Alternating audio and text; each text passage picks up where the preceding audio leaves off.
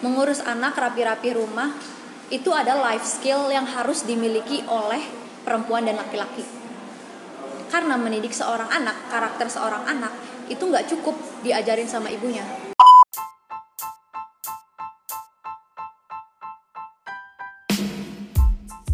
Oke, selamat datang di podcast Irfan. Kali ini kita kedatangan tamu yang spesial, uh, teman gua dari eh, SMA, teman gua SMA, namanya Sahara Santana. Dia bakal ngebawain uh, apa ya? Kita bakal ngobrol soal feminisme dan ya ikutin aja obrolannya. Ah.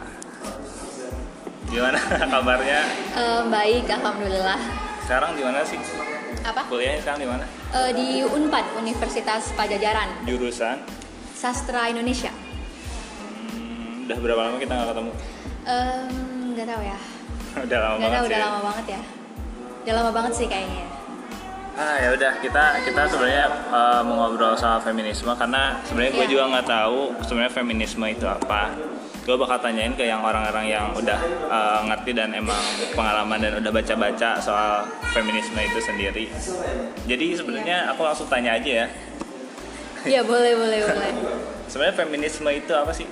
sebenarnya ini tadi udah dibilang eh, aku banyak baca bla bla enggak sebenarnya aku tuh nggak terlalu expert ya tentang feminis karena kalau lo mau dibilang expert lo lo harus ambil kuliah lagi Iya, gitu iya. Emang tentang ada? ada ada misalnya kamu kuliah terus kamu tuh misalnya di sastra gitu Iya. kamu tuh ambil teorinya teori feminis berarti kan kamu lebih bagus di feminis kan dalam apa ya dalam pemahamannya gitu Iya. itu perlu belajar lebih lagi gitu kalau aku kan aku belum lulus juga ya jadi Iya. aku belum tahu apa yang akan aku ambil nanti untuk jadi expert em, untuk skripsi aku gitu jadi ya kita mau ngobrol santai ya Iya, jadi ngobrol di sini di sini iya di sini aku nggak bukan expert cuma aku belajar belajar gitu Soalnya dia lebih sering ini sih ngobrolin soal kalau dia soal update-update soal feminisme itu sering banget. Jadi Iya, iya. aku undang sini buat ngobrol-ngobrol. iya iya Jadi sebenarnya apa sih feminisme itu? Eh, feminisme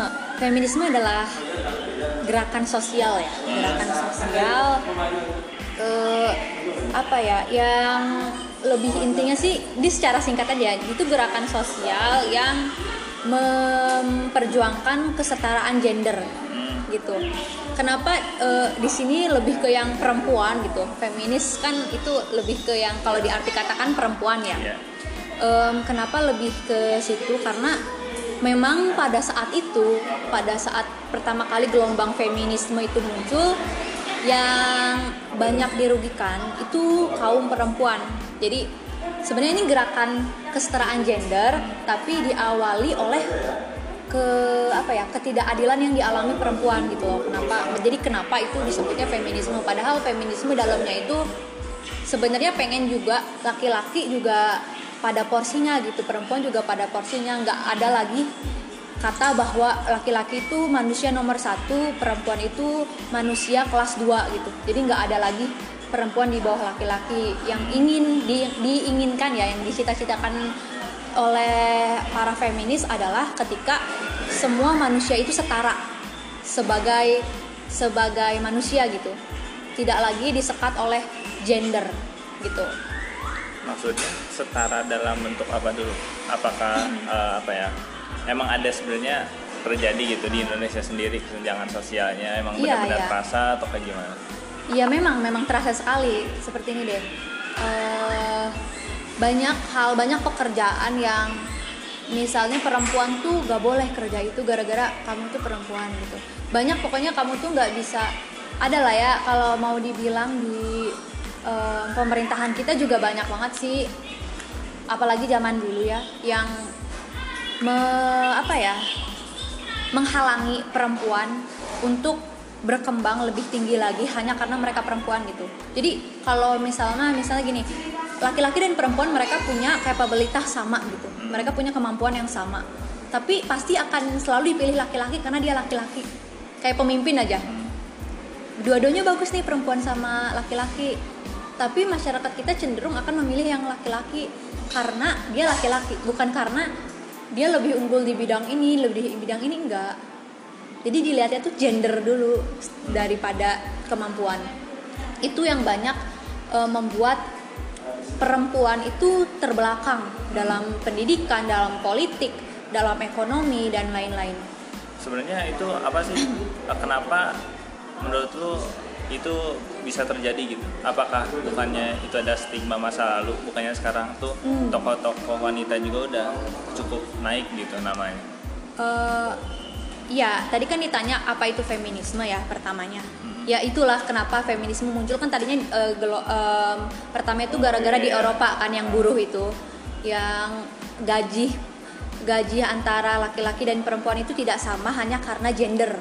Itu yang pertama awal mula kenapa ada femini gerakan feminisme ini. Tapi eh, semakin ke sini kenapa masih ada? Ya karena budaya patriarki apalagi di Indonesia itu masih sangat kental masih sangat oh, oh, banyak kok perempuan yang bisa kerja. Iya bisa kerja. Tapi gini deh lo tanya deh ke anak-anak SMA lo mau jadi mau misalnya eh, kamu mau kerja apa nih ke yang anak perempuannya ya? Lo mau kerja apa?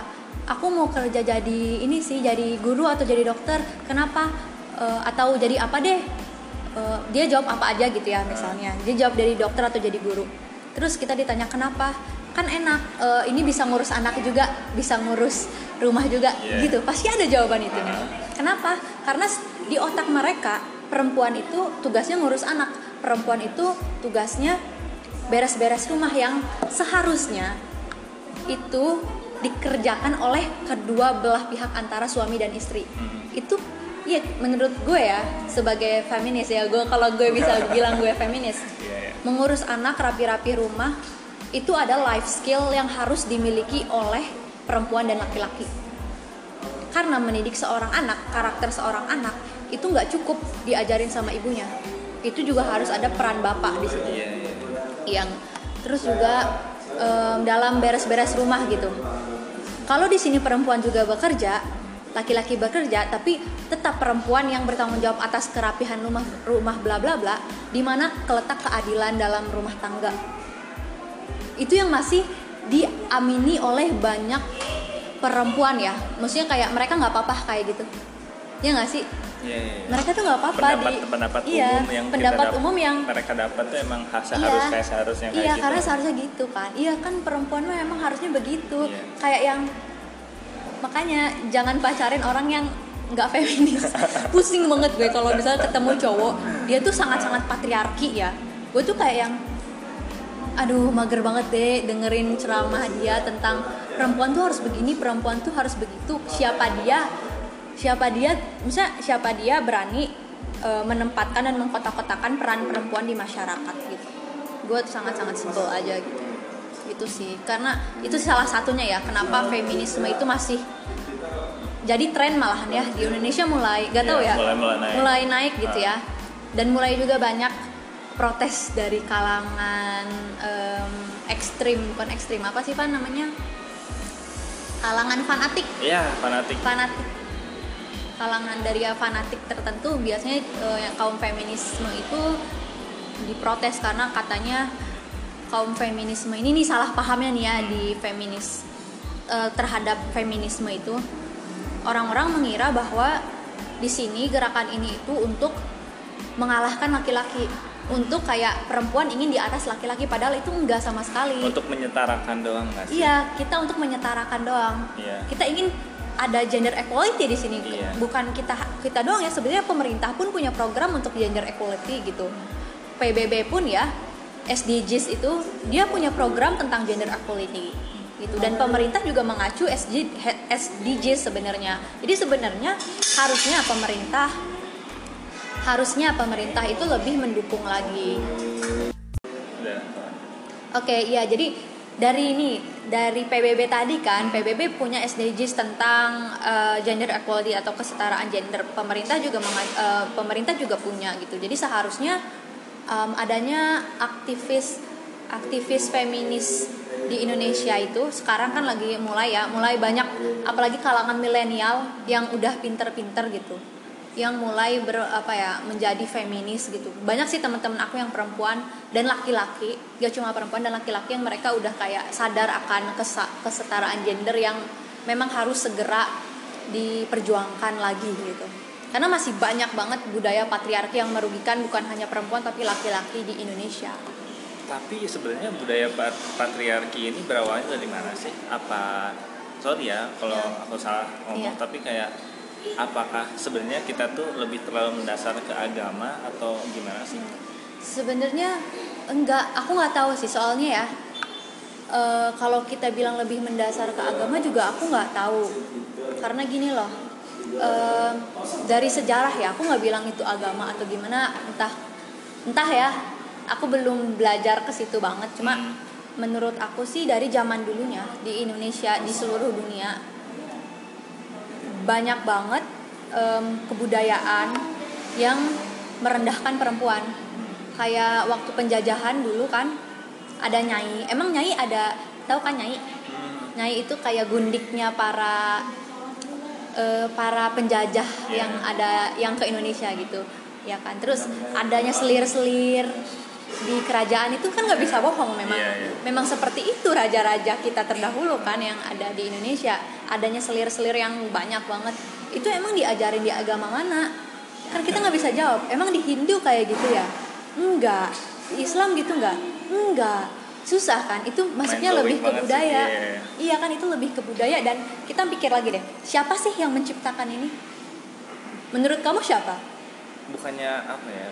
Itu, itu kan sistem budaya, budaya turun temurun gak sih? Enggak. Iya itu budaya itu sebenarnya bukan budaya juga sih yang ya? mungkin ya? sekarang baru berevolusi atau apa ya terupdate gitu mereka tuh uh, enggak sih menurut aku ini tuh uh, sistem sistem sosial yang emang udah ada sejak dulu. Aku nggak tahu sih ini awalnya kayak gimana. Um, tapi menurut aku ya menurut aku di sini kan yang diuntungkan banyaknya laki-laki ya kan. Walaupun banyak juga dari uh, sisi lain laki-laki itu dirugikan sebenarnya sebenarnya ya. Tanpa mereka sadari ada di beberapa hal mereka juga dirugikan tapi nggak banyak. Jadi lebih banyak yang menguntungkan mereka nah sistem ini itu uh, apa ya seperti yang udah dibilang tadi kan udah ada sejak zaman dulu. Dan uh, ada uh, apa sih itu tuh namanya pan ahli yang bilang bahwa um, dunia ini aku nggak lupa ya ahlinya siapa. Cuma dunia ini tuh dikuasain oleh laki-laki. Ini tuh dunia ini tuh itu kata dosen aku sih. Yeah. dia mengutip ahli mana gue lupa cuma dia bilang gini waktu itu itu di kelas dunia ini tuh milik laki-laki. Kita hidup di dunia yang diatur oleh laki-laki. Dan itu bukan cuma omongan itu benar terjadinya.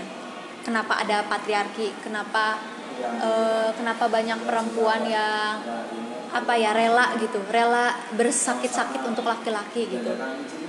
Banyak perempuan yang nggak dapat kesempatan karena dia perempuan karena dia kalah secara gender gitu. Gitu itu sih. Jadi sebenarnya apa ya? Feminisme itu lawannya patriarki atau bukan? Enggak beda beda. Itu bukan antonim atau lawan kata sih karena dari definisi pun udah beda ya. Karena feminisme itu gerakan sosial. gerakan kan. Kalau patriarki itu sistem sosial. Tapi kan sistem apa ya? Sistem patriarki ini udah pasti ada dong. Tidak bisa dilepas di kehidupan kita gitu maksudnya. Bisa kalau orang-orang yang pada cerdas. Bisa kalau perempuannya pada cerdas juga karena banyak feminis juga apalagi perempuan tuh yang dibully sama perempuan lagi. Jadi perempuannya patriarki gitu. Dunia ini dipegang oleh ya, dipegang oleh laki-laki. sudah berabad-abad iya jadi kayak susah untuk ya, susah. Susah pan. Susah banget untuk menghilangkan budaya patriarki apalagi di Indonesia. Di Amerika sendiri juga susah di Barat ya yang kita kan e, memang feminisme itu sebenarnya ada dalam Islam cuma dipopulerkan oleh gerakan feminisme buruh itu di Eropa sebenarnya di Islam juga ada feminis tapi itu bukan namanya feminis tidak dipopulerkan gitu ada ya, ada sih? tokohnya nggak sih siapa sih namanya aku kemarin uh. kemarin baca yang di Indonesia tapi Raden Ajeng Kartini kan uh, aku baca di iya, iya. wiki Wikipedia iya, sih iya. dia sih yang iya iya terus yang ngasih apa ya pen penjelasan tentang kesetaraan gender itu sendiri? Uh, kalau R.A. Kartini sih ya aku nggak tahu sih. Cuma yang aku baca di bukunya ya dia tuh lebih ke yang curhat gitu. Dia tuh banyak curhat gitu tentang kehidupan dia sebagai perempuan di di ini di kerajaan yang banyak banget. Gara-gara dia perempuan dia nggak boleh keluar gini gini gini gitu. Yang dia tuh pengen pengen kan kalau misalnya di luar negeri di Belanda pada saat itu perempuannya udah lebih modern. Mereka bisa keluar uh, ke mana saja yang mereka mau mereka bisa berpendidikan gitu. Tapi Raden Ajeng Kartini itu nggak bisa karena dia pokoknya lu harus nikah aja. Gitu tujuan tapi, akhirnya. tapi dia kan banyak menginspirasi Iya, iya. sih di Indonesia? Iya dia banyak menginspirasi lewat surat-suratnya ya. Karena ada bukunya apa tuh? Setelah Eh, gelap se- setelah ya sebelum ge- apa ya apa sih lupa? Apa ya ya pokoknya ada lah gitu. Sebelum ya pokoknya gitu terang apa gelap. Apa sih tahu ah, gelap gue. Lupa lupa. Sampai lupa itu buku legendaris aku lupa judulnya. Habis gelap terbitlah terang pan. Tadi aku Iya. bilang apa? apa? Bukannya aku juga bilang itu ya? Enggak kamu setelah gelap terbitlah terang. Habis gelap terbitlah terang. Oke. Aduh. Iya ya itu salah satu tokoh mind blowing banget sih emang emang bener sih. Ya kan? Tapi kita apa ya cukup susah untuk menerima itu sih jujur aja. Iya karena kamu laki-laki. Iya emang emang. Tapi ada emang ada nggak sih hak yang keambil? Dan misalkan gini misal feminisme itu naik. Hmm. tapi tiba-tiba ada masanya mungkin malah cowok yang terintimidasi di salah Hmm. satu kelompok. Eh, menurut aku apakah nanti itu pemahaman yang salah dari feminisme itu sendiri atau kayak gimana menurut aku kan tadi sendiri yang harusnya kembali lagi ke definisinya. Kan itu gerakan sosial untuk kesetaraan gender ya. Yang lebih mungkin ya karena itu setu- apa ya seperti yang tadi aku yang bilang eh, seperti tadi apa sih gue ngomong anjir? Eh, yang, ya yang tadi kamu bilang. Yang tadi aku bilang kan sebelumnya bahwa feminisme itu muncul karena eh, di saat itu kebetulan perempuan yang sedang tertindaskan dari segi upah makanya itu muncul feminisme dan itu lebih ke yang meminta kesetaraan gender apa ya lebih melawan ke yang laki-laki gitu lah ya intinya ya. Em, tapi nggak nggak menurut aku nggak itu sih nggak akan terjadi kalau misalnya di masa depan mereka semua berpegang pada kesetaraan gender bukan para pa- pada keegoisan gender kan ketika Beda ya, misalnya beda. beda. beda. Kita kita minta kesetaraan gender. Ya pada saat yang bersamaan kita juga memikirkan gender yang lain kan. Ketika perempuan nih aku berpikir tentang kesetaraan gender. Aku juga harus berpikir tentang hak dan kewajiban laki-laki dong. Sebagai manusia ya sebagai sesama manusia. Gitu harusnya gitu. Nggak nggak berpikirnya tuh nggak kayak oh gue perempuan gue bisa lakuin ini ini ini. Pokoknya terserah gue. Pokoknya laki-laki gue yang eh, bodoh amat gitu. Nggak gitu kan. Kita kita lebih ke yang caring gitu loh ke each other. Nggak cuma ke perempuan juga tapi ke laki-laki juga. Kita cari jalan tengah supaya kita sama-sama laki-laki dan perempuan itu diperlakukan eh, sebagai manusia yang utuh. Karena selama ini perempuan memang diperlakukan secara tidak langsung dan tidak disadari sebagai setengah manusia dipandang sebelah mata lah dipandang sebelah mata menjadi manusia kelas 2 lah ya Iya, iya. Mungkin kayak misalkan ada apa ya eh, tokoh-tokoh wanita yang mendaftarkan di apa sih namanya bursa politik Hmm. Iya, dan iya. lain-lain. Iya, iya. Mungkin Itu dia pasti agak kayak, susah. Wah, apaan sih dia takutnya Dia mengambil keputusan yang salah Iya, dan iya. lain-lain gitu. Iya iya iya itu juga karena zaman dulu juga kan di Eropa aku nggak tahu di Indonesia juga atau enggak cuma di Eropa sana juga perempuan itu nggak punya hak pilih dalam poli- politik Iya, mereka iya, tuh nggak iya. punya hak Iya, pilih baca. itu juga kan. Karena apa coba mereka nggak punya hak pilih? Mereka dianggap tidak bisa berpikir. Padahal yang membodohkan kita perempuan itu laki-laki itu sendiri. Karena kita tidak diperbolehkan ya, karena iya dibatasi ya. karena dibatasi ruang pendidikan kita. Kita gini deh jangan jauh-jauh di Indonesia aja. Selalu kan lo pernah denger gak sih kalau ada yang ngomong ke perempuan dia jangan eh, abis lulus S1 mau ngapain? S2 udah jangan tinggi-tinggi sekolahnya nanti susah dapet jodohnya Eh, banyak laki-laki yang takut. Iya kan? Iya, iya. iya. pernah denger gak Nah, pernah pernah. Iya kan? Seperti itu aja. Jadi kan seolah-olah kita perempuan harus merendahkan apa ya standar kualitas diri kita. Untuk laki-laki itu udah salah. Kayak ya udah kalau lo nggak berani kenapa nggak laki-lakinya itu harus lebih dari kita kalau emang mau lebih? Dan kenapa lo harus lebih dari perempuan? Kenapa kasihan kan laki-laki stres juga dia. Di saat banyak banget perempuan hebat sekarang karena mereka juga manusia yang punya otak yang Yes. punya fisik yang sama gitu lah ya. Fisiknya tuh punya tangan maksudnya gitulah kan Iya, iya, paham, punya tangan punya kaki punya otak dia bisa berpikir sendiri. Dan sekarang tuh lebih terbuka lagi pendidikan untuk eh, perempuan. Sekarang laki-laki malah banyak stres gara-gara dia takut eh, perempuan itu lebih dari dia. Dia tuh mau deketin ya misalnya lo lulusan S1 dia mau deketin yang S2 tuh dia mikir duh dia lebih pintar dari gue. Kenapa lo harus mikir kayak gitu? Cinta mah cinta aja cuy. Iya, iya. iya heran kan? Karena dia takut. Karena dia takut gak bisa mungkin ya eh, mungkin yang ditakutkan tuh dia nggak bisa ngajarin ke perempuannya. Karena perempuannya tuh lebih pintar dari dia. Tapi bukan itu kan sebenarnya tujuannya. apa? Maksudnya kan kita untuk apa ya? eh, tidak memandang rendah laki-laki kan. iya enggak. Ketika lo misal eh, gini loh. Enggak kok enggak. Karena gini loh. Contohnya ya kakak gue sendiri. Teteh gue tuh kakak perempuan gue tuh S2 Hmm. suaminya itu S1 dan fine fine aja tuh. Nggak ada lo lebih pinter lo lebih enggak. Karena mereka saling menghargai. Itulah kuncinya ya. Kita harus saling menghargai sesama manusia. Dan sebagai partner juga kan sebenarnya itu partner hidup yang menurut aku ketika kita menikah tuh partner hidup gua benci banget deh kata-kata yang lo nikah lo tuh harus ngabdi ke suami kenapa gue yang harus ngabdi ke suami cuy Kenapa nggak dua-duanya? kenapa nggak dua-duanya iya, iya. Oh, gitu paham, masuk, masuk, masuk. masuk kan Iya, iya. kenapa apa itu cinta ketika bucin dong perempuan tuh bucin banget dong kayak gitu cuy duh, duh, duh, duh. Gue tuh kesel banget sih ketika masih ada yang kayak gitu Soalnya kan ya kalau dari konteks keluarga ya mungkin kita kan membangun sama-sama nggak sih keluarga itu sendiri.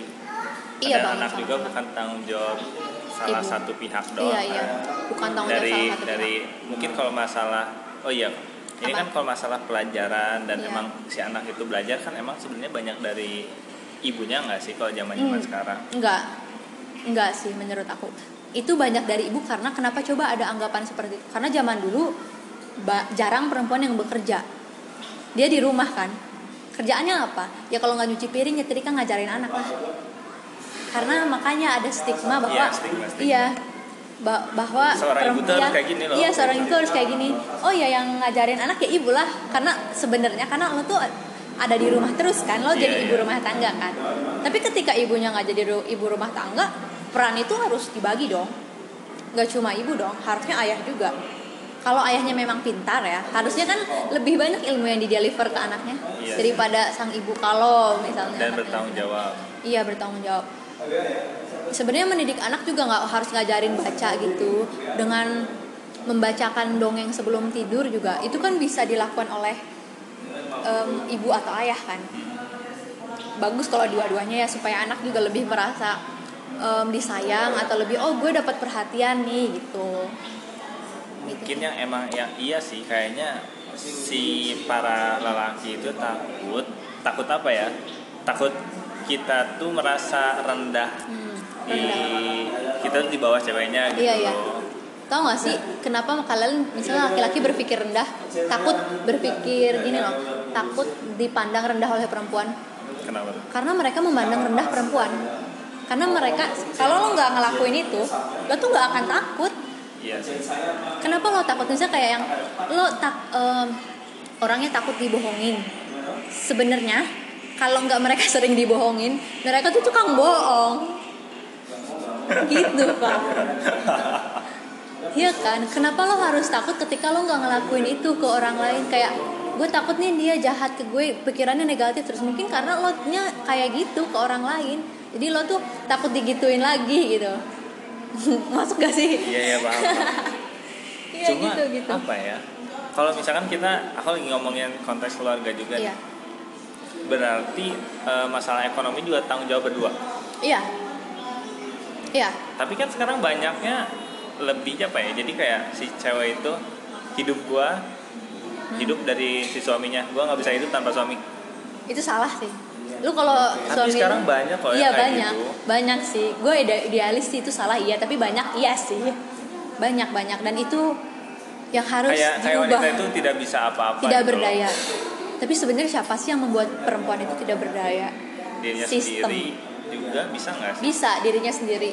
Terus juga sistem juga sih menurut aku sistem masyarakat doktrin mas dari masyarakat yang bilang lo nggak usah pinter-pinter juga nggak apa-apa harusnya lo pinter lo harus pinter lo harus mandiri ketika lo dihianati lo bisa cerai cuy. Iya karena kebanyakan ya perempuan itu terjebak dalam pernikahan yang toksik karena mereka tidak bisa mandiri dari awal. Itu yang benar-benar apa ya pertama itu bisa dari sistem patri patriarki ini yang bikin dia nggak berdaya yang bikin dia nggak bisa cari duit lah ya. Yang kedua itu dirinya sendiri sih. Lo uh, ketika lo punya niat pasti di situ ada jalan gak sih? Iya. Iya kan? Dan menurut gue uh, apa ya ketika perempuan udah nggak tahu nih kalau dia udah terjebak di situ I don't know what to do. I don't know what to tell. Karena gimana ya lo udah kepalang lo udah gak punya skill lo emang jadi jadi peminta-minta nggak sih? Kalau menurut gue itu peminta-minta karena lo cuma minta dari suami lo jadi, kayak parasit gitu Uh, uh, tapi siapa yang harus sadar gitu? Sebenarnya siapa yang harus mengawali ini semua? Mungkin sekarang banyak nih contoh-contoh kayak Sarah sendiri atau orang-orang lain lah yang emang udah uh, growing up uh, dari sistem feminisme ini sendiri. Tapi siapa yang harus sadar? Kita kan kata lu sendiri kan tadi ada sebuah sistem yang emang mengatur. Iya, Jadi si cewek-cewek ini mungkin ada lebih banyak ya daripada feminis. Iya. Mungkin kalau feminisme cuma 20%, Iya, iya. 80%-nya penganut patriarki Ya, mengami iya, para itu perempuan gitu yang loh. amin sama patriarki Uh, tapi kan siapa yang harus membenahi apakah dari wanita itu sendiri apa personal seseorang itu sendiri atau emang seorang ibu yang harus ngajarin soalnya kan gini pasti lu sendiri kalau udah punya anak nih lu pasti ngajarin juga kayak gitu kan Iya, ke anak iya. cewek lu sendiri cewek cowok dan dia harus cewek- cowok feminis. juga kan harus tahu kan. Iya harus ngerti. Sedangkan kalau yang 8 tim 80% ini belum tentu gitu. Jadi siapa Iya. yang harus sadar gitu? Yang harus sadar generasi kita lah Pan generasi penerus bangsa ya kan? Kita yang 15 atau 20 tahun lagi yang duduk di sana yang mengontrol negeri ini kita kan? Kita yang harus sadar. Generasi yang sudah terdidik em, dan harusnya open minded ya kita tuh harusnya menurut aku tuh nggak bisa perempuan doang tuh nggak bisa. Harus didukung oleh semua masyarakat semua orang-orang yang berpendidikan dan mau membuka pikirannya. Karena ada orang yang berpendidikan tapi dia tetap patriarki. Susah gitu ya. Ada karena dia nggak mau open minded pikirannya. Dia ya karena mungkin dia sudah dimanjakan oleh sistem itu atau bagaimana gitu. Jadi yang harus merubah ini merubah keadaan ini supaya Indonesia lebih baik lagi lah karena lo bayangin kalau perempuan produktif di Indonesia Indonesia bisa growing di eh, ekonomi berapa persen kalau ini tadinya misalnya kita punya 100% populasi penduduk 40 30 40 persen tuh laki-laki 60% 60% tuh perempuan. Nah, sekarang tuh yang produktif cuma 60 yang 20% doang perempuan ini yang produktif. Lo bayangin dong gimana kalau nanti kita semua itu eh, menjunjung tinggi kesetaraan gender, 40% perempuan ini tuh bisa mengenyam pendidikan lebih baik, bisa membuka lapangan pekerjaan, bisa lebih produktif lagi. Lo bayangin dong, ekonomi Indonesia itu bakal ada di mana? sekarang tuh cuma ada 60% yang mendongkrak misalnya ya 60% doang yang mendongkrak ekonomi Indonesia 40 persennya tuh nggak tahu gitu Gitu. Tapi sebenarnya harus haruskah semuanya sadar atas sistem patriarki feminisme? Atau emang ya ini jalan pilihan lo terserah lah mau Se- sebenarnya jadi feminis itu adalah panggilan kemanusiaan. Di saat lo melihat ketidakadilan di situ harusnya lo terpanggil untuk eh, melakukan hal yang benar. Ya jadi tergantung dari kepekaan masing-masing dan cara berpikir orang masing-masing sih gue nggak bisa maksa juga ya semua orang. Cuma ketika di situ tidak ada ketidakadilan ya di situ harusnya em, hati ke apa ya panggilan kemanusiaan tuh ke- terpanggil sih.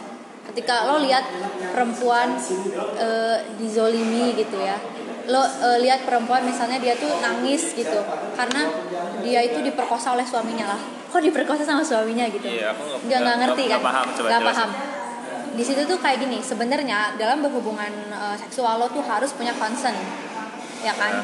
Harus punya per- eh, persetujuan dari dua belah pihak. Tapi karena sistem pernikahan di kita me- mengata apa ya terus bilang kalau bukan sistem pernikahannya sih karena atas nama pernikahan suami tuh terserah mau istrinya gak mood ya hajar aja gitu.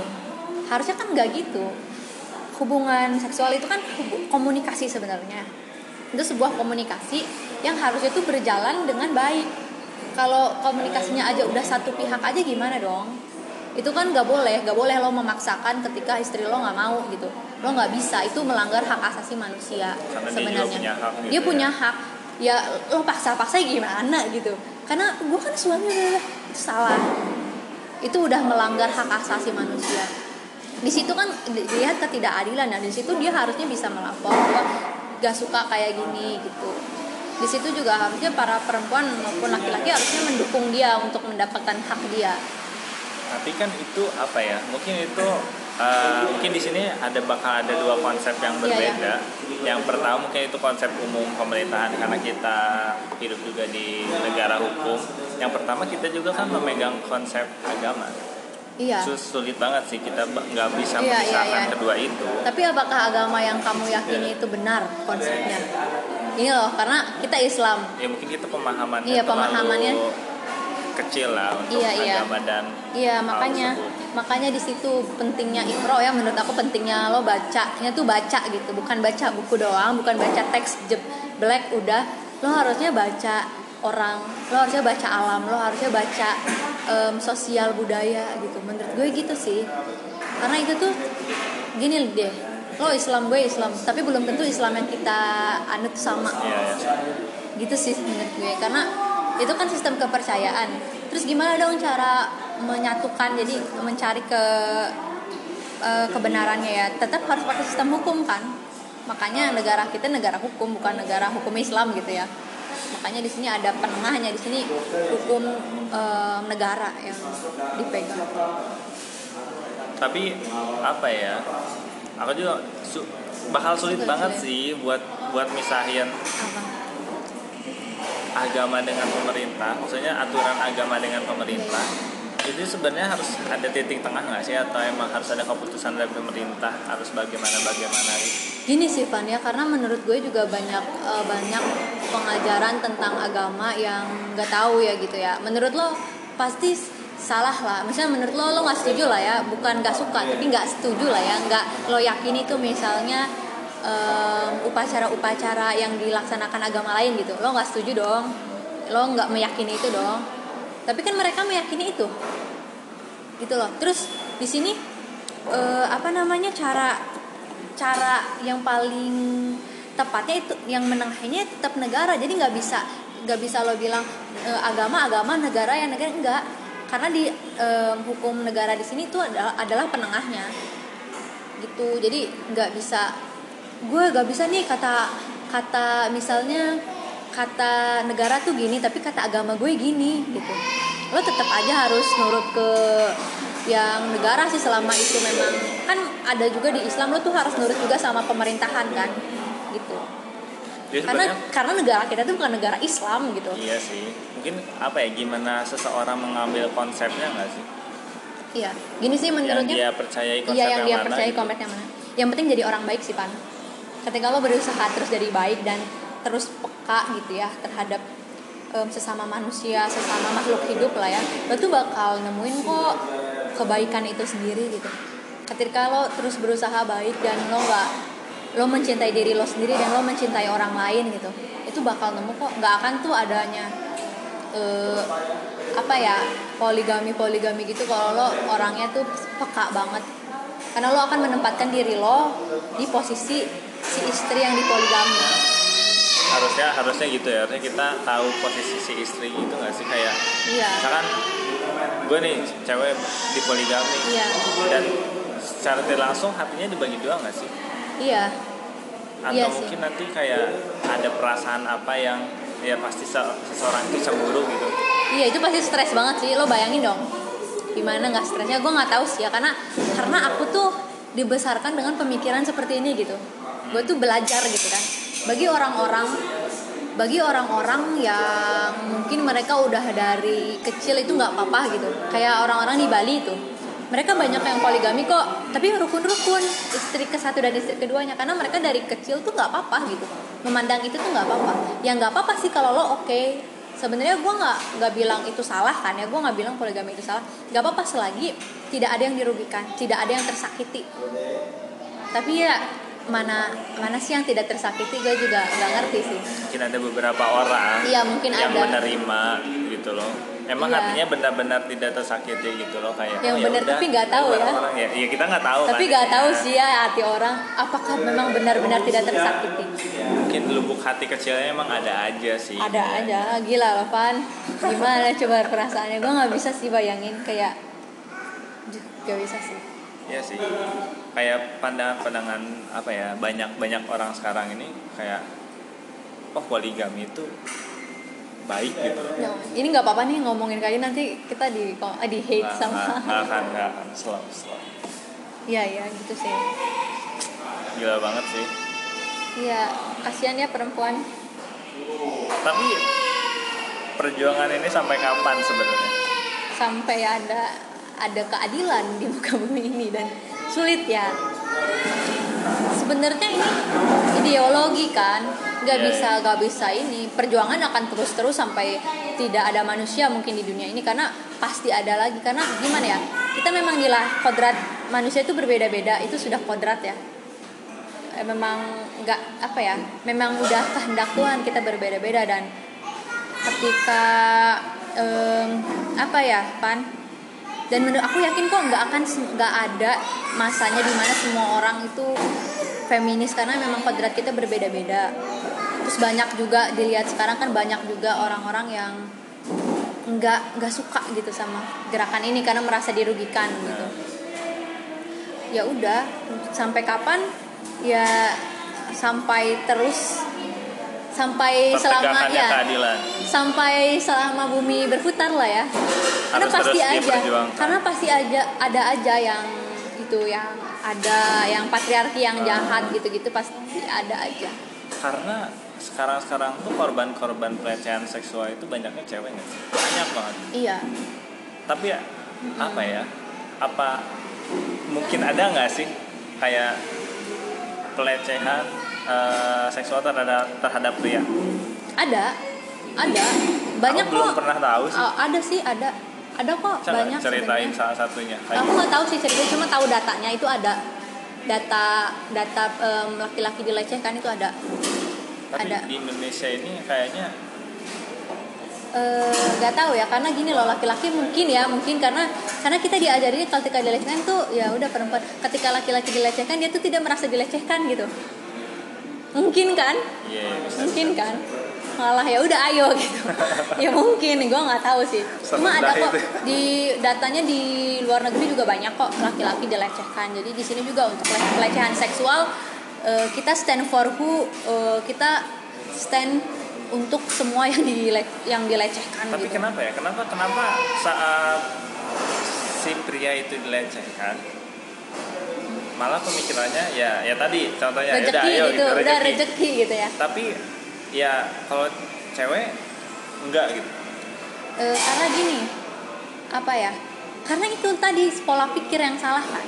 Pola pikir yang salah kalau cewek kalau kalau gini nih kalau cewek di kalau cewek dipegang-pegang lo murahan. Cowok dipegang-pegang enggak tuh kalau nggak dibilang murahan tuh. Iya kan? Karena dia merasa karena karena stigma?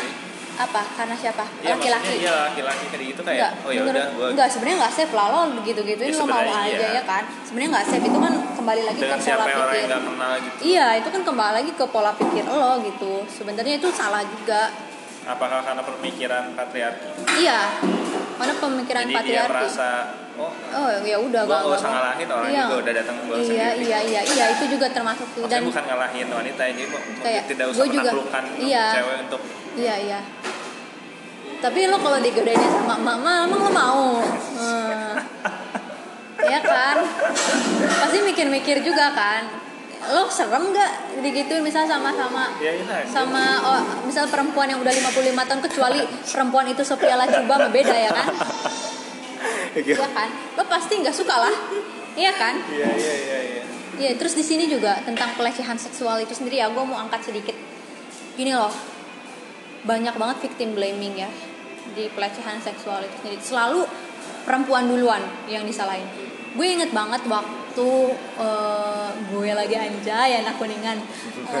Biarin waktu aku SMP gitu ya. Ah, guru SMP aku bilang kalau kucing disodorin ikan ikannya aku dibuka. baca, aku dengar, aku dengar. Iya. ya itu ya pasti dimakan aja. Dimakan. ya kayak gitu juga perempuan.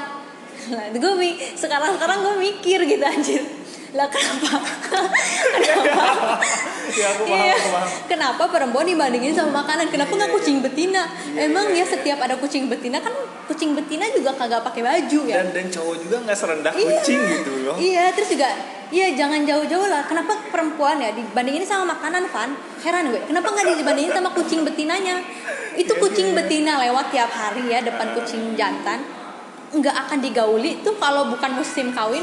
Iya ya. Iya Dan kan? kalau dia nggak suka juga ada juga loh Iya. yang dikawinkan dia nggak mau tetap Iya, mau. iya kan? Ada. Seperti itu makanya gue tuh itu tuh apa ya perumpamaan yang sangat-sangat bodoh gitu. Dan gue baru sadar ketika gue kuliah ya. gue bodoh berapa tahun cuy. Itu bener-bener kayak loh kok kayak gitu pola pikirnya. Di situ yang disalahkan kan perempuan ya. Iya. Iya kan? E, seolah-olah kalau lo e, pakai baju mini, lo pakai e, pakai baju yang apa ya, yang terbuka sedikit itu kalau lo dilecehkan itu salah lo karena lo ngundang gitu. Di situ terjadi victim blaming di mana korban yang disalahkan padahal harusnya kita semua itu mengajarkan kepada semua bukan kepada laki-laki aja tapi kepada laki-laki dan perempuan untuk tidak e, menyentuh yang bukan haknya nggak diajarin laki-laki. Laki-laki tuh jarang banget kan kita dapat pengajaran bahwa lo tuh jangan eh, giniin cewek giniin cewek. Banyaknya gini ya cewek kalau gini ya lu ngundang sih. Lu jangan Iya, lu iya. pakai pakai ini lah lu pakai pakaian tertutup longgar deh. Lu pakai cadar kalau mau kalau aduh kalau perlu supaya gak ngundang. Tuh kan jadi cewek jadi cowok tuh merasa kayak ya udah kalau cowok ceweknya pakai hijab gitu misalnya tertutup ya gue nggak akan apa-apain tapi kalau pakai rok mini ya gak apa-apa dong gue tahu-tahu kan dia undang itu pola pikir yang Iya, salah iya, iya. Dan dan ini nggak sih dan dan kayak waktu dari kecil juga lebih yang paling dijaga itu anak cewek. Yang lebih dikasih tahu. Kayaknya Iya. anak cowok tuh nggak pernah di Iya. sering-sering banyak diomongin kayak gitu nggak sih? iya iya Kamu harus menjaga kemaluan sendiri dan Iya, iya. lain-lain. Lebih banyak Iya. cewek nggak sih? Iya itu pen- masuknya ke pendidikan seks ya. Iya. Kita kurang banget sih pendidikan seks. Em, pendidikan iya ya. Tabu tahu. Tabu. Orang-orang ngomongin yang Kita kayak gitu. harus ngajarin pendidikan harus. seks. Karena lo nggak tahu anak lo dilecehkan sama siapa gitu. Nauzubillah ya. karena kayak pemikirannya apa ya edu apa sex education tuh kayak lu belajar untuk berhubungan gitu Iya, bukan bukan bukan pemahaman mempelajari tentang eh, diri gitu ya, apa ya, tubuh iya, gitu ya. iya. banyak Iya, konsep iya. yang salah Iya, banyak konsep yang salah. Sebenarnya kan sex education itu untuk mempelajari tubuh manusia, ya, maksudnya tubuh diri sendiri gitu loh. Ya, kayak kayak lo perempuan, berharga iya, gitu terus lo nggak boleh dipegang ini ini ini sama orang lain yang lo nggak setujui gitu. Iya, karena itu hak hak diri Iya, lo sendiri iya, gitu. iya gitu sih. Iya makanya juga, karena juga gini loh, jarang nggak sih lo diomongin gak sih sama orang tua lo kalau oh jangan ya kalau kamu jangan nakal ke perempuan kamu jangan pegang ini ini ya kalau ke perempuan gini. Pernah dia nggak sih Nggak diajarin? sih, nggak kan? Kalau gue diajarin sama ibu gue gue dibilangin kamu hati-hati ya jangan mau dipegang ini ini ini sama laki-laki gue yang jadi kan di sini udah bisa dilihat kan. Dan gue yakin sih banyak eh, laki-laki di luar sana yang mereka tuh nggak dapet Pelajaran warning gitu warning dari orang tua mereka untuk tidak menyakiti orang lain. Eh, di khususnya perempuan ya khususnya perempuan untuk tidak menyentuh em, badan perempuan. Kayaknya sangat sedikit sekali yang ngasih tahu. perempuan dan perempuan kan ya dia itu tetap nggak boleh Iya, tetap nggak karena itu boleh. hak iya makanya di sini aku bilang menyentuh tubuh orang lain kan makanya sih itu karena laki-laki tuh laki-laki juga kan Iya laki-laki sama laki-laki juga. Tapi kita eh, concern di sini ke pelecehan seksual terhadap perempuan ya. Itu menurut aku salah satunya karena la- laki-laki nggak pernah diajarin untuk tidak melakukan itu. Iya, dan- Yang selalu- ya, mungkin ada beberapa yang diajarkan, Iya. tapi yang nggak semua gitu. Iya iya Dan kayak waktu pas kita SMA kayak ya udah ganti baju ganti baju gitu loh. iya iya. Mau ya cewek sama cewek, cowok sama cowok sebenarnya kan kita punya privasi masing-masing. Iya kan. harusnya nggak gitu ya. Harusnya Makanya gitu sekolahan kita tuh miskin pan, nggak punya ruang ganti baju. ganti baju di mana di Di WC kelas, di kelas cewek yang Oh iya kita ya. Oh iya. gantian itu loh. Oh iya ya lupa. Oh aku suka dinya di WC sih kalau aku. Ini ada beberapa yang di kelas juga sih. kasih gue di WC itu sih pak jadi nanti gue harus ngajarin anak gue sih mau laki-laki mau perempuan untuk tidak jahat ke orang lain. Kayaknya semua semua orang mulai dari sekarang juga eh, kayaknya kayak apa ya pemahaman pemahaman itu kayak kita tuh harus open minded gak sih? Iya kita harus kita open harus minded tahu apa yang terjadi di dunia ini Iya, iya. kejadian-kejadian ini kenapa sih sebabnya? Iya iya. Saat kita tahu apa ya kayak teori atau obrolan kayak gini kan seenggaknya oh itu tuh terjadi Iya, itu karena terjadi tidak karena gini. ada pelajaran yang kayak gini Iya, tidak iya. ada edukasi kayak gini jadi Iya, iya. pentingnya edukasi ini gitu Hmm, tapi masyarakat Indonesia ya yang aku lihat mereka tuh sekarang sekarang lagi mabok agama kan parah sih Iya, Parah jadi sih, semuanya susah kenapa? agama sih. Kenapa susah sih? Bukan aku bilang agama bikin bodoh, bukan. enggak sih iya iya. Karena mereka tuh tidak ikro gitu. Ikronya tuh masih di level berapa teing ya? Kayak cuma pemahaman Iya, kecil ya. aja. Udah kata agama gini ya. Pada padahal menurut aku di ayat pertama yang diturunkan ikro itu kita tuh dituntun untuk mencari tahu dan apa ingin tahu banyak gitu Hmm. ya kan di situ harusnya kita bersikap netral gak mengatas ag- nah, makan agama oh di agama gue gak gini gini nggak harusnya nggak gitu sebagai eh, sebagai apa ya kalau gue kan sebagai mahasiswa atau sebagai eh, pelajar tuh kan harusnya open minded ya. Gue nggak nggak boleh harusnya bukan open minded harusnya netral gitu. Kalau gue nggak bisa eh, gue at- nama kata agama gue gini jadi gue nggak menerima ini kan nggak boleh gitu harusnya. Itu karena mabuk agama cuy semuanya. Sampai toleransi aja sekarang iya minim toleransinya banget tuh minim sih. banget. Padahal ya semakin orang berilmu itu harusnya, harusnya toleransinya tambah tinggi. Iya toleransinya semakin tinggi. Karena Gitu. kita paham paham, Karena paham. tentang seseorang paham Mm-mm. tentang kebudayaan Iya, iya. apa segala macam Mm. malahan menurut gue sekarang sekarang ya agama ya lo tau lah agama kita gitu ya iya iya ini kita ngomongin agama kita ya Iya, sebenarnya kita ngomong kita kita, mengkritik agama kita sendiri di Indonesia sebenarnya bukan agamanya yang salah sih orangnya sih menurut gue sekarang aja udah mirip-mirip kayak tau gak sih lo pernah belajar kan sejarah tentang kenapa Portugis ke sini selain mereka ingin gold kejayaan sama terakhir tuh menyebarkan agama mereka. Karena mereka ingin sebanyak-banyaknya orang masuk ke agama mereka. Dan di Indonesia pun terjadi seperti ini. Kayak nggak menerima gitu kita tuh kita tuh memang berbeda. Kita tuh bineka tunggal ika. Memang sudah dari sananya kita tuh orang yang berbeda-beda gitu. Tidak diterima tidak. Jadi semua orang tuh harus harus eh, muslim harus Islam selain itu pinerakaan gitu. Selain itu lo salah. Harusnya kan nggak gitu. Sebenarnya dan siapa yang tahu? Iya siapa yang tahu. Dia Dan- bakal masuk neraka dan lain-lain. Iya kan? Dan mereka tuh tidak tidak sadar bahwa kalau Tuhan mau semua diislamkan aja semua. iya. Tapi kan pasti ada rahasia kenapa Iya, enggak. kenapa enggak kenapa ada. Iya dan kita tuh nggak bisa maksain semua orang. Biarlah itu menjadi perjalanan spiritualnya masing-masing. Agama tuh menurut gue nggak usah diomongin ke orang lain. Misalnya kayak diceramahin lo dicocokin supaya lo masuk agama Iya, gue. gitu itu cara lama banget sih. Biasanya itu orang-orang yang baru belajar sih. Kayak Iya, iya. ya kayak lu kasih dikasih satu sudut pandang oke gua terima udah ini gue yang percaya. Gua percaya pandangan ini. Sedangkan pem- pandangan orang lain tuh banyak tau nggak cuma Iya, satu iya. dua doang. Iya iya. Dan kita tuh harus dengar dan emang saat kita dengar tuh kayaknya toleransi bakal kebuka deh. Iya iya makanya sih. Makanya sih menurut gue juga em, agama itu urusan pribadi banget.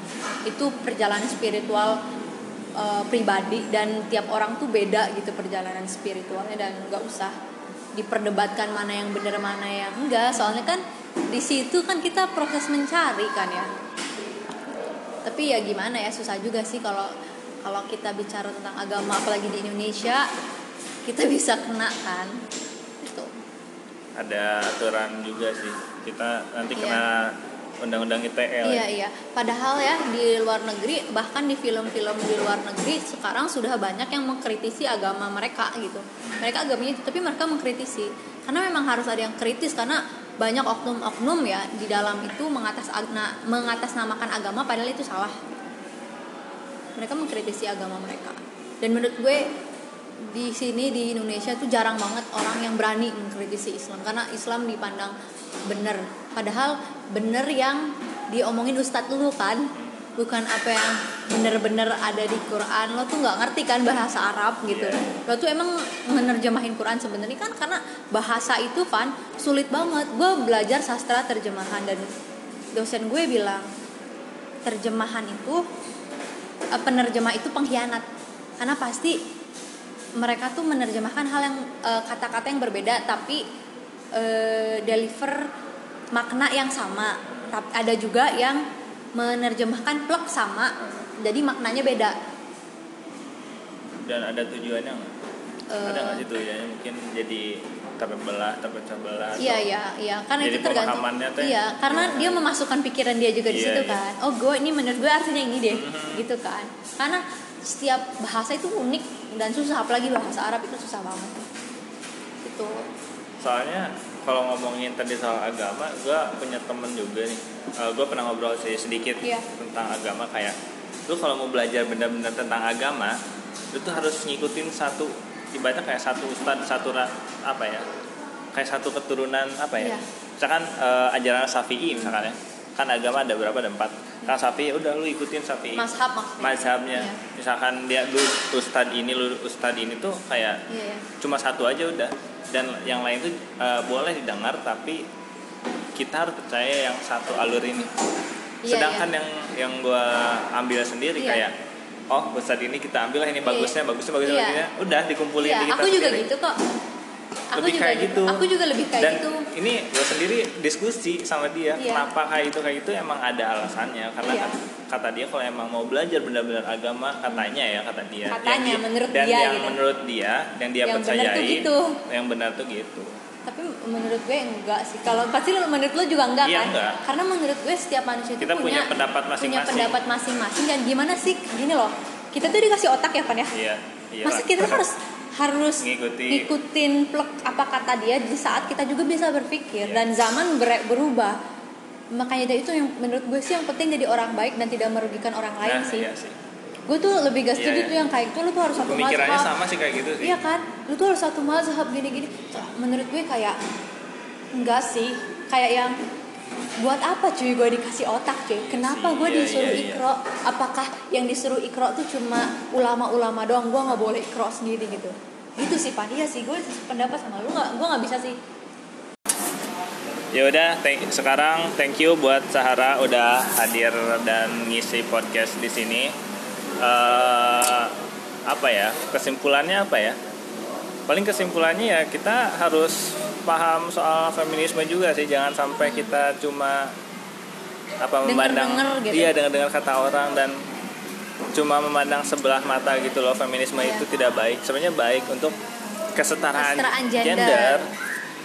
biar biar apa ya sekarang kan banyak seorang wanita yang dilecehkan atau emang merasa rendah itu karena tidak adanya kesetaraan gender gitu nggak Iya, sih Iya iya iya, benar.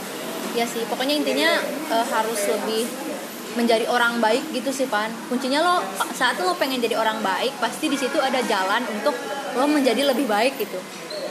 Lo nggak akan nyakitin orang lain karena patriarki itu sangat-sangat menyakiti orang lain khususnya perempuan. berarti kita harus eh, apa ya paham toleransi juga Iya ya toleransi itu penting juga sih. Saling menghargai sesama Nah, iya, manusia iya. ya, sesama manusia loh. Jadi perempuan juga manusia Iya, gitu. jangan dipandang sebelah mata Iya, dan jangan jangan- dipandang rendah juga ya. Iya iya. Ya udah mungkin segitu aja cukup ngobrol-ngobrol kita hari ini. Mungkin di lain waktu kita bakal ketemu lagi bahas yang lain. Ya. Ya udah thank you Sarah udah you. datang. Ya udah eh, segitu podcast dari gua. Eh, semoga bermanfaat untuk orang-orang yang mau apa ya mau tahu soal feminisme mungkin gambaran kecilnya dari kita segitu aja mungkin kalau ada salah kata dan emang ada pemahaman yang salah bisa di komen aja atau bisa chat aja langsung ke gua. Thank you eh, see you next time